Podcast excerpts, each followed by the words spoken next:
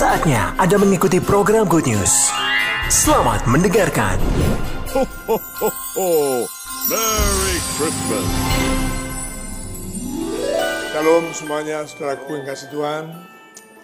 Puji Tuhan, kita bersama dengan seluruh umat Tuhan di seluruh dunia. Kalaupun dalam waktu yang berbeda-beda, namun tepatnya kita akan bersama-sama menyatakan rasa syukur, bangga, sukacita karena kelahirannya di atas muka bumi ini. Untuk menggenapi rencana besar yaitu keselamatan umat manusia. Bukan saja keselamatan saudara, tetapi keselamatan umat manusia. Yang artinya mendengar kalimat ini kita punya tanggung jawab untuk terlibat menuntaskan amanat agung.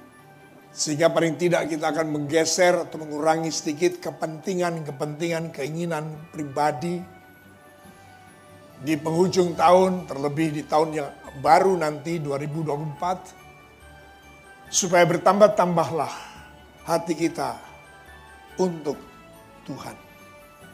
Yang sebenarnya Tuhan menuntut saudara dan saya sebagaimana firman Tuhan mengatakan, Kasihlah Tuhan Allahmu dengan segenap hati, dan dengan segenap jiwa, dan dengan segenap akal budi, dan dengan segenap kekuatanmu. Mari berikan tepuk. Mari kita buka Yakobus pasal 4 ayat 4 sampai yang ke-6. Dalam beberapa hari setelah hari Rabu, saya terus merenungkan tentang pernyataan profetik Tuhan. Di mana Tuhan telah menempatkan rohnya dengan kecemburuan. Yang intinya adalah tidak Tuhan kehendaki kalau kedapatan kita ini ternyata mendua hati. Saudara yang dikasih Tuhan, mari kita baca terlebih dahulu Yakobus 4 ayat 4 sampai 6. Hai kamu orang-orang yang tidak setia. Tidakkah kamu tahu bahwa persahabatan dengan dunia adalah permusuhan dengan Allah? Jadi barang siapa hendak menjadi sahabat dunia ini, ia menjadikan dirinya musuh Allah. Dan janganlah kamu menyangka bahwa kitab suci tanpa alasan berkata, roh yang ditempatkan Allah di dalam diri kita diingininya dengan cemburu. Tetapi kasih karunia yang dianugerahkannya kepada kita lebih besar daripada itu. Karena itu ia katakan Allah menentang orang yang congkak. Tetapi mengasihani orang yang rendah hati. Amin. Berbahagialah kita yang mendengar firman Tuhan menyimpan dalam hati merenungkan siang dan malam agar kita dapat mengerti dan mengenali apa yang direncanakan yang dikehendaki Tuhan atas kita. Tanpa kita merenungkan firman Tuhan berulang-ulang kita akan menangkap firman Tuhan itu hanya secara literal. Apa yang kita dengar sebatas itu saja kita mengerti. Tetapi ketika saudara merenungkan firman Tuhan, ia membicarakannya kembali, baik itu dengan orang lain, terlebih dengan dirimu sendiri di hadapan Tuhan. Maka sebagaimana sering kali saya katakan, kita akan mendapatkan inspirasi. Kita akan mendapatkan penerangan roh. Kita akan mendapatkan revelation, pewahyuan dari Allah sendiri. Yang akan disediakan bagi kita dalam rangka untuk membawa saya dan saudara semakin mengenal Tuhan. Saudara yang dikasih dalam Kristus Yesus Tuhan. Pernyataan roh Allah ketika kita dalam pujian penyembahan dalam worship night. Saya sendiri merasakan bahwa ketika sebelum, sebelum Tuhan itu memberikan pernyataan dalam hati saya untuk saya sampaikan kepada yang hadir saya merasakan sungguh-sungguh betapa Tuhan itu seperti sedang termangu melihat kita. Kalau dikatakan dalam kitab keluaran, Allah itu menyesal. Saya tidak menangkapnya sampai ke sana Tuhan. Tetapi heran ya melihat kita. Yang akhirnya ujungnya adalah tantangannya supaya kita kedapatan orang percaya yang taat dan setia kepada Tuhan. Saudara yang dikasih dalam Kristus Yesus Tuhan. Maka kecemburuan ilahi inilah yang menjadi sesuatu pertanyaan yang harus kita mengerti sejauh mana yang dimaksud Tuhan, dimaksud Tuhan kepada kita tentang kecemburuan ilahi. Yang pasti berbicara kecemburuan itu ada dua pihak, ada dua hal yang harus kita mengerti. Pertama adalah kecemburuan ilahi yang dimaksud dengan God jealousy. Tetapi di pihak yang di seberangnya adalah word jealousy kecemburuan duniawi. Sepertinya sekilas sama tapi sebenarnya tidak sama. Sama dengan ketika saudara mau berkata-kata jangan takut. Tapi di sisi yang lain takutlah kamu akan Tuhan. Demikian juga ketika kita merenungkan untuk mengerti apa, mengapa Tuhan menempatkan rohnya di dalam kita dan ditempatkannya dengan kecemburuan, dengan kecemburuan ilahi. Yang artinya sudah saya sampaikan pada waktu di MCB. Bahwa Tuhan itu adalah roh. Dan roh itu yang dimaksud adalah Tuhan itu sendiri. Adalah Tuhan yang maha tahu dia mengetahui apa saja yang kita pikirkan, bukan yang kita lakukan, bukan yang sekedar yang apa yang kita katakan, tapi yang sebelum kita katakan, bahkan yang terencana, terancang dalam hati kita, yang kita pikirkan yang bisa jadi belum terungkap, Tuhan tahu. Untuk itu diakumulasi, untuk itu diperhitungkan, untuk itu akan dibaca yang menjadi kesimpulan Adakah saya dan saudara setia kepada Tuhan atau tidak? Kita baca ulang ayat yang keempat. Hai kamu orang-orang yang tidak setia. Langsung merujuk yang dimaksud dengan kecemburuan itu adalah karena kita kedapatan tidak setia. Tidakkah kamu tahu bahwa persahabatan dengan dunia adalah permusuhan dengan Allah? Tuhan mengetahui kalau kita ini jatuh hati kepada dunia, lebih tertarik kepada dunia, lebih tertarik kepada hal-hal yang duniawi. Tuhan tahu. Kecenderungan hati kita ke mana sih? Kepada Tuhan atau kepada hal-hal yang duniawi ini? Tuhan tahu. Ya, Saudara yang dikasih Tuhan. Sebab ada beberapa poin di sana. Pertama tidak setia, kedua bersahabat dengan dunia, ketiga permusuhan dengan Allah. Ketika kita kedapatan menjadi sahabat dunia. Tetapi kecemburuan ilahi yang dia lakukan, yang Tuhan nyatakan.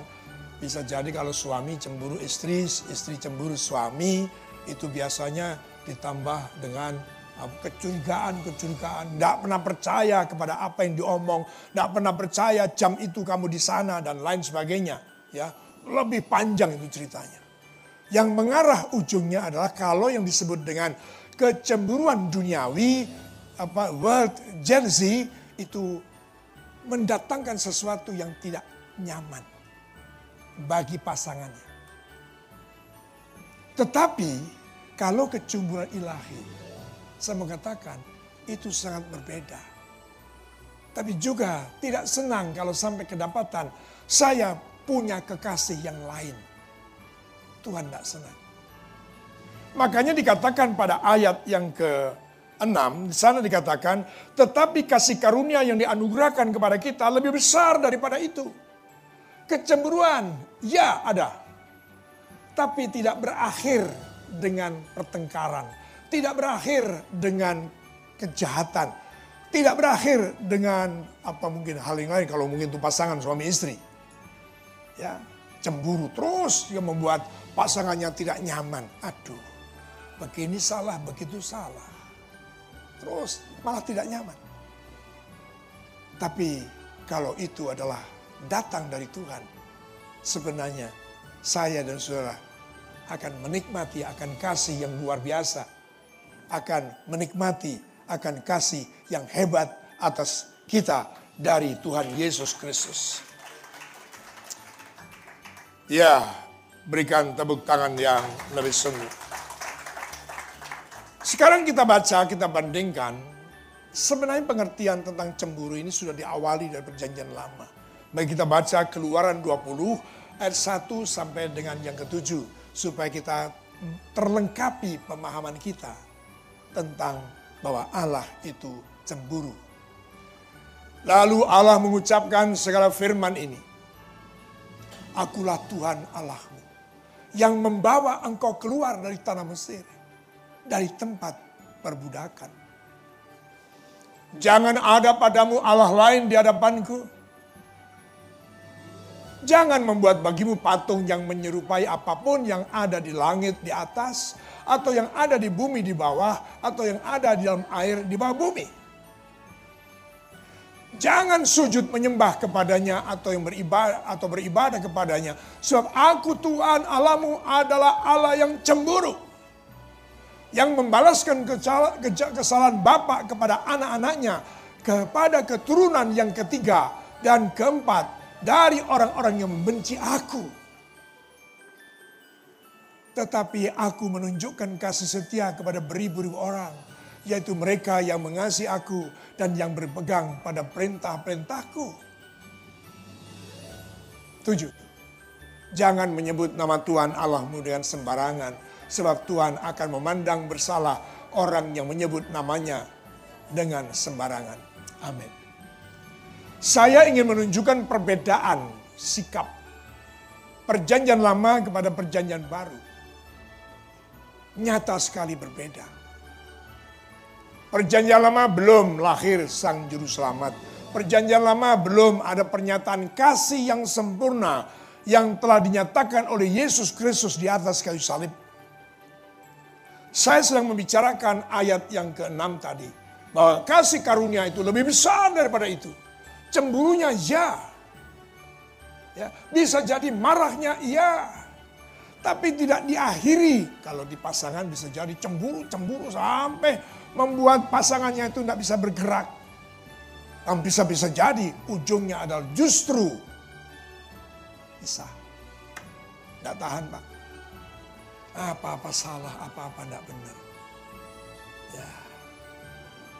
Itu ujungnya itu. Tetapi kasih dari Allah yang sudah dinyatakan melalui pengorbanannya di atas kayu salib. Yang disebutkan bahwa kasih karunia itu lebih besar daripada itu semuanya ujung daripada apa yang dilakukan oleh Tuhan dengan cemburu itu tidak berakhir dengan terpisahnya kita dengan Tuhan. Berikan tepuk tangan bagi Tuhan Yesus. Artinya nilai percaya, ketaatan dan kesetiaan itu menjadi lebih menonjol karena tidak ada sanksi di belakang.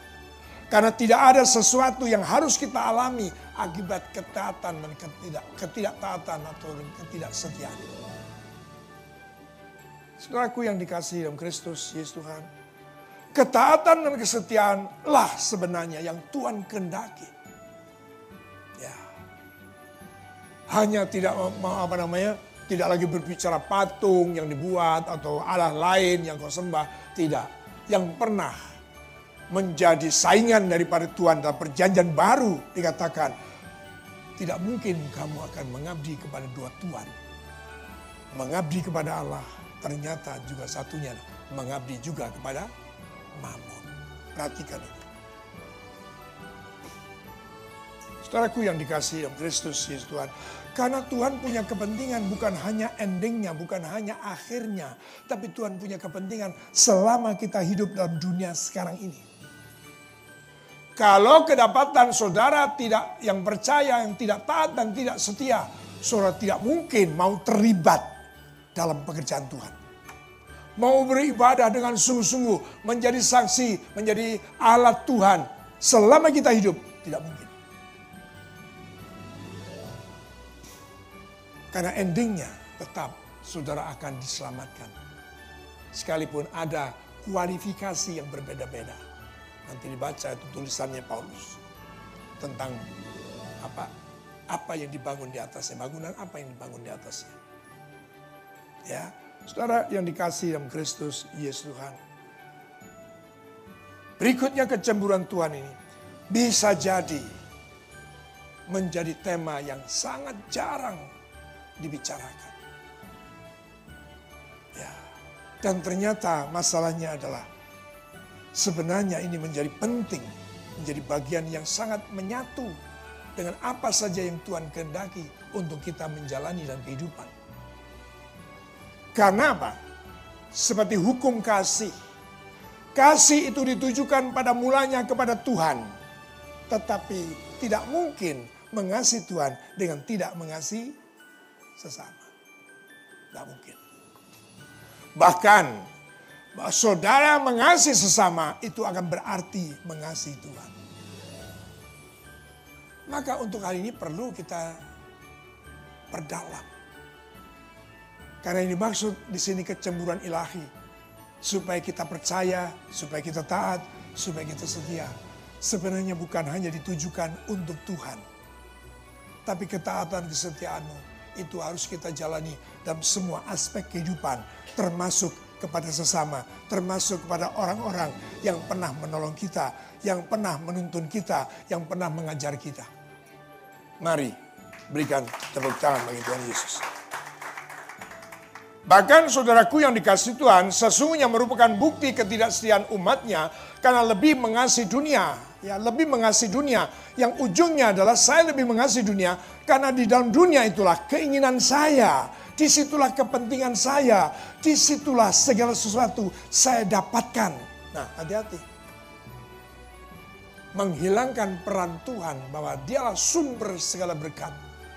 Segala sesuatu datang dari dia, oleh dia, kepada dia, bagi dialah kemuliaan untuk selama-lamanya. Saudara-saudara yang dikasih dalam Kristus Yesus Tuhan, hati-hati persahabatan saudara dengan dunia dengan lebih mengasihi dunia daripada mengasihi Tuhan. Sekali lagi saya katakan, bukan berarti kalau saudara tidak boleh mengasihi dunia, Saudara tidak butuh makan, tidak butuh pakaian, tidak butuh roti. Tuhan sudah mengatur kalau kamu butuh itu, baik itu pakaian, mau makanan, maupun roti ataupun air, tetapi dikatakan carilah terlebih dahulu kerajaan Allah dan kebenarannya. Ada aturannya. Ada cara yang harus kita kerjakan. Ya. Jangan kemudian mendahulukan segala sesuatu yang berkaitan dengan dunia itu. Yang sebenarnya ujungnya adalah keinginan kita, kepentingan kita, mau kita. Ini yang Tuhan tidak sukai. Saudara yang dikasih dalam Kristus Yesus Tuhan. Karena sebenarnya kecemburuan ilahi, kecemburuan Tuhan yang Tuhan nyatakan, yang ditempatkannya rohnya dalam kita itu. Sebenarnya itulah Tuhan sedang memagari saya dan saudara. Tidak terseret ke sikap yang akhirnya kita menjadi musuh Allah. Menjadi congkak. Ya. Sesungguhnya kecemburuan Tuhan memagari kita agar tidak menjadi musuh Allah karena bersikap congkak. Oleh rohnya Allah mengetahui kecenderungan hati kita. Dia membaca, saudara. Dia merekam. Bahkan bisa jadi saudara tidak tahu, tapi Tuhan tahu. Setiap kata yang belum keluar dari mulut kita, Tuhan sudah tahu. Yang dimaksud kecenderungan hati itu seperti yang dinyatakan dalam kitab kejadian pasal 6 ayat 56 ketika Tuhan mendatangkan air bah kita baca itu kejadian 6 ayat 5 dan 6. Ketika dilihat Tuhan bahwa kejahatan manusia besar di bumi dan bahwa segala kecenderungan hatinya selalu membuahkan kejahatan semata-mata. Maka menyesallah Tuhan bahwa ia telah menjadikan manusia di bumi dan hal itu memilukan hatinya. Kita bisa melihat sedihnya. Kenapa? Kecenderungan hati kan kita belum berkata, kecenderungan hati belum kita perkuat, belum kita putuskan toh, tapi Tuhan sudah sedih. Ya. Ternyata kok begitu. Saudaraku yang dikasih Tuhan, maka pernyataan yang dari Tuhan waktu worship night, saya sungguh-sungguh pegang dan akan menjadi berita yang terus akan kami singgung sepanjang 2024. Mengingatkan semua kita agar jangan sampai kita terbukti lebih mengasihi dunia daripada mengasihi Allah. Lebih me, me, cenderung lebih mengasihi keinginan kita, lebih menuruti keinginan, kepentingan kita daripada keinginan dan kepentingan Tuhan. Karena Tuhan punya kepentingan, bukan saja endingnya, bukan saja akhirnya, tapi dalam perjalanan kehidupan kita selama kita hidup dalam dunia inilah. Saudara dan saya ditempatkannya menjadi saksi dan alat Tuhan. Supaya kehidupan saudara menjadi berkat bagi banyak orang di atas muka bumi. Kalau sudah mati nggak urusan. Sudah selesai. Selama saudara hidup Tuhan masih punya pengharapan. Bahwa saudara bisa dipakai Tuhan. Amin. Itu yang namanya anugerah. Sering saya katakan dalam sisipan khotbah, jangan cuma bangga menjadi orang percaya, tapi kejar terus supaya saudara menjadi orang yang layak dipercaya. Sebenarnya nilai kehidupan saudara itu pada saat saudara bukan sekedar percaya itu masih separuh. Tapi utuh kalau saudara dipercaya. Itu nilai hidupmu. Mau sebanyak apa pun kekayaanmu, mau sepintar apa pun saudara, mau seperti cakap bijaksana seperti apa pun saudara, sebanyak apa pun gelar yang saudara miliki, jabatan yang saudara miliki, tetapi ketika saudara tidak dipercaya, nggak ada apa-apanya. Ya, coba perhatikan tuh, munculnya power syndrome itu oleh karena seseorang itu tidak lagi post power syndrome karena manusia itu tidak lagi diper percaya. Ingat itu. Maka saudaraku yang dikasih Tuhan, kita harus menjaga itu. Jangan sampai kita menimbulkan syak, jangan sampai kita mendukakan roh kudus. Ketika kedapatan sudah mendengar firman dan hanya didengar, tidak pernah direnungkan, tidak pernah dilakukan, roh kudus berduka. Ya, Saudaraku yang dikasih Tuhan. Karena saya mau mengatakan orang yang percaya sebenarnya adalah orang yang telah ditebus olehnya. Yang artinya ada narasi, ada pengertian yang lebih jauh daripada itu. Berarti saya dan saudara adalah milik kepunyaannya. Ya. Dan Tuhan itu memberikan rancangan yang terbaik, yang termulia. Kalau akhirnya hidup kekal, selesai. Tapi selama kita hidup dalam dunia ini, Tuhan merencanakan apa? Menjadi serupa dengan gambarnya. Wow, ini sesuatu yang mulia, sesuatu yang luar biasa. Berikan tepuk tangan bagi Tuhan Yesus Kristus. Sehingga saudara kemudian ditempatkannya sebagai mempelainya. Mempelai laki-laki surgawi Karena saudara telah dipertunangkan dengan laki-laki surgawi, yaitu Yesus Kristus Tuhan. Yang artinya sudah tidak mendua hati. Seperti kalau pasangan begitu ya, sudah dipertunangkan. Ya, saya ada beberapa kali menjumpai, ya sebenarnya dia sudah bertunangan Pak. Loh, oh ya? Ya, lalu bla cerita di belakangnya itu panjang. Ya. Dan maaf ini, saya berapa kali ini nonton yang namanya Sinau Urip. Mas Adi, itu tetangganya Mas Yusuf.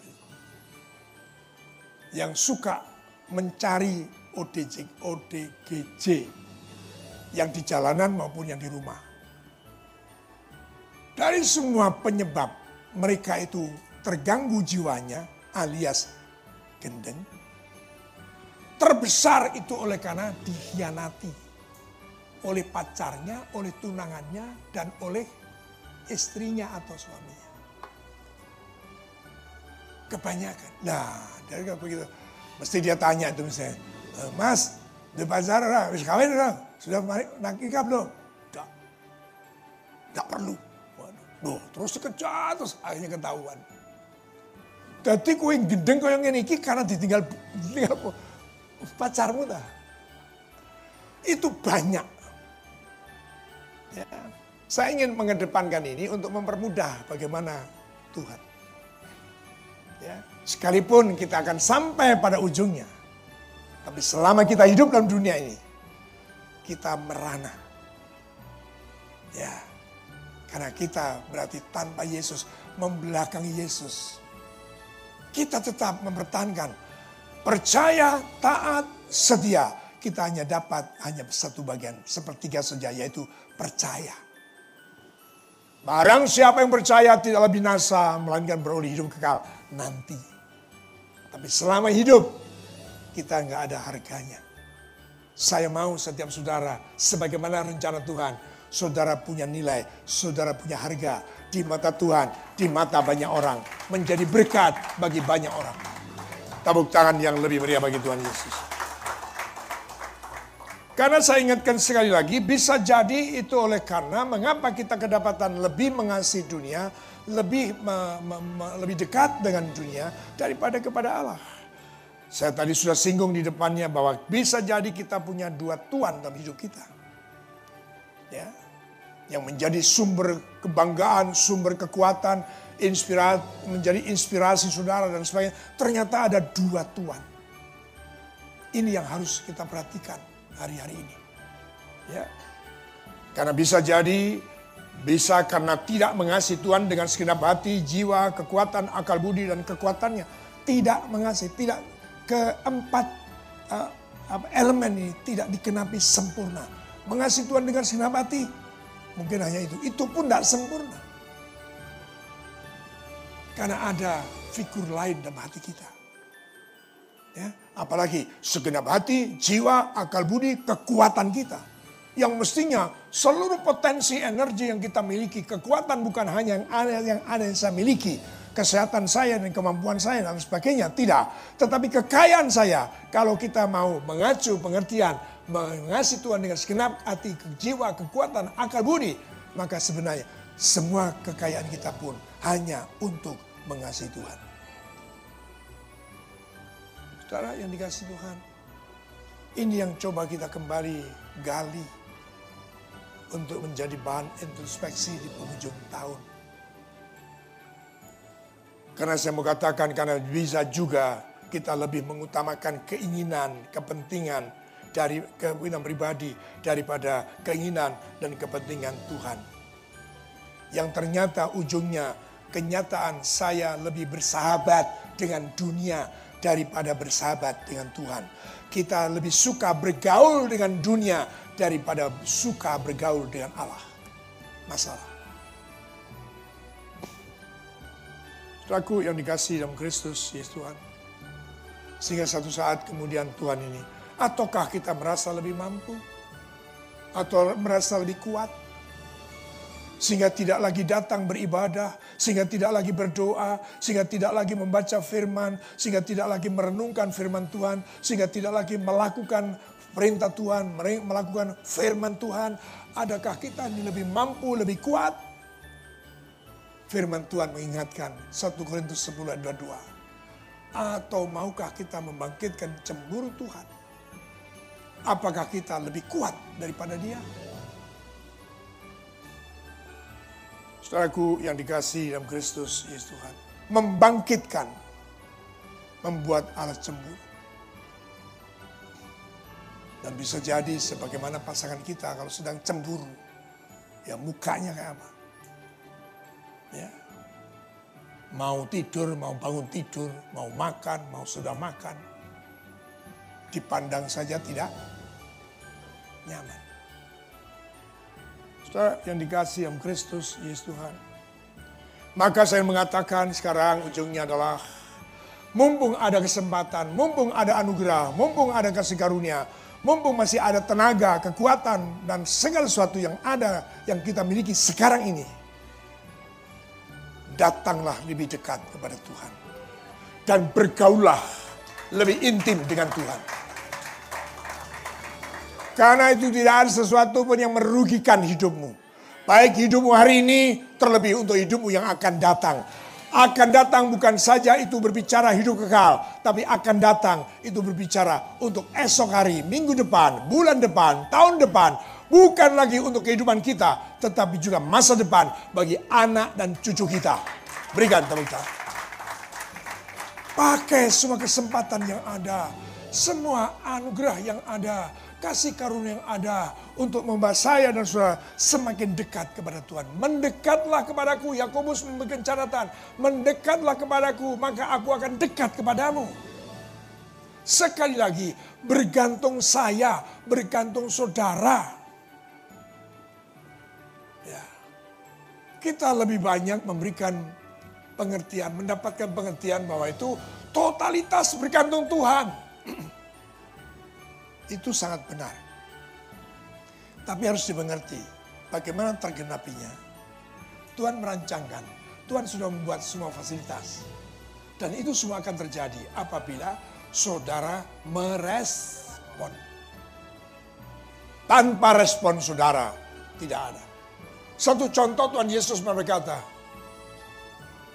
di rumahnya sendiri, di negerinya sendiri, dia tidak membuat satu pun mujizat. Kenapa? Nggak ada respon. Dari saudaranya, dari tetangganya, dari kenalannya, nggak ada respon. Jadi sekali lagi perhatikan pentingnya respon saudara. Maka saudaraku yang dikasihi Tuhan, tunduklah kepada Allah. Maka engkau akan memiliki kuasa. Dan engkau akan menjadi berkat. Firman Tuhan menyatakan demikian pada Yakobus 4 ayat 6 dan 7. Ya, kalau saudara tunduk kepada Allah, bersahabat dengan Allah, mendekat kepada Allah, bergaul dengan Allah, engkau akan memiliki kuasa itu. Mari kita baca dalam ya Yakobus 4 ayat 6 7. Tetapi kasih karunia yang dianugerahkan kepada kita lebih besar daripada itu. Karena itu ya katakan Allah menentang orang-orang yang congkak tetapi mengasihi orang-orang yang rendah hati. Tujuh. Karena itu tunduklah kepada Allah dan lawanlah iblis, maka ia akan lari daripadamu. Orang nggak pernah melangkah dekat dengan Tuhan. Orang nggak pernah hidup bergaul dengan Allah. Eh ngusir setan. Ya sampean sing diusir. Siapa kamu? Aku kenal tuh Yesus. Aku kenal tuh Paulus. Kamu tuh siapa? mendekatlah kepada Tuhan, bergaullah dengan Tuhan. Engkau akan memiliki kuasa. Amin. Dengan demikian, saudara juga terhindar untuk mendua hati dan berjalan hidup. Puji Tuhan. Soli dia. Gloria.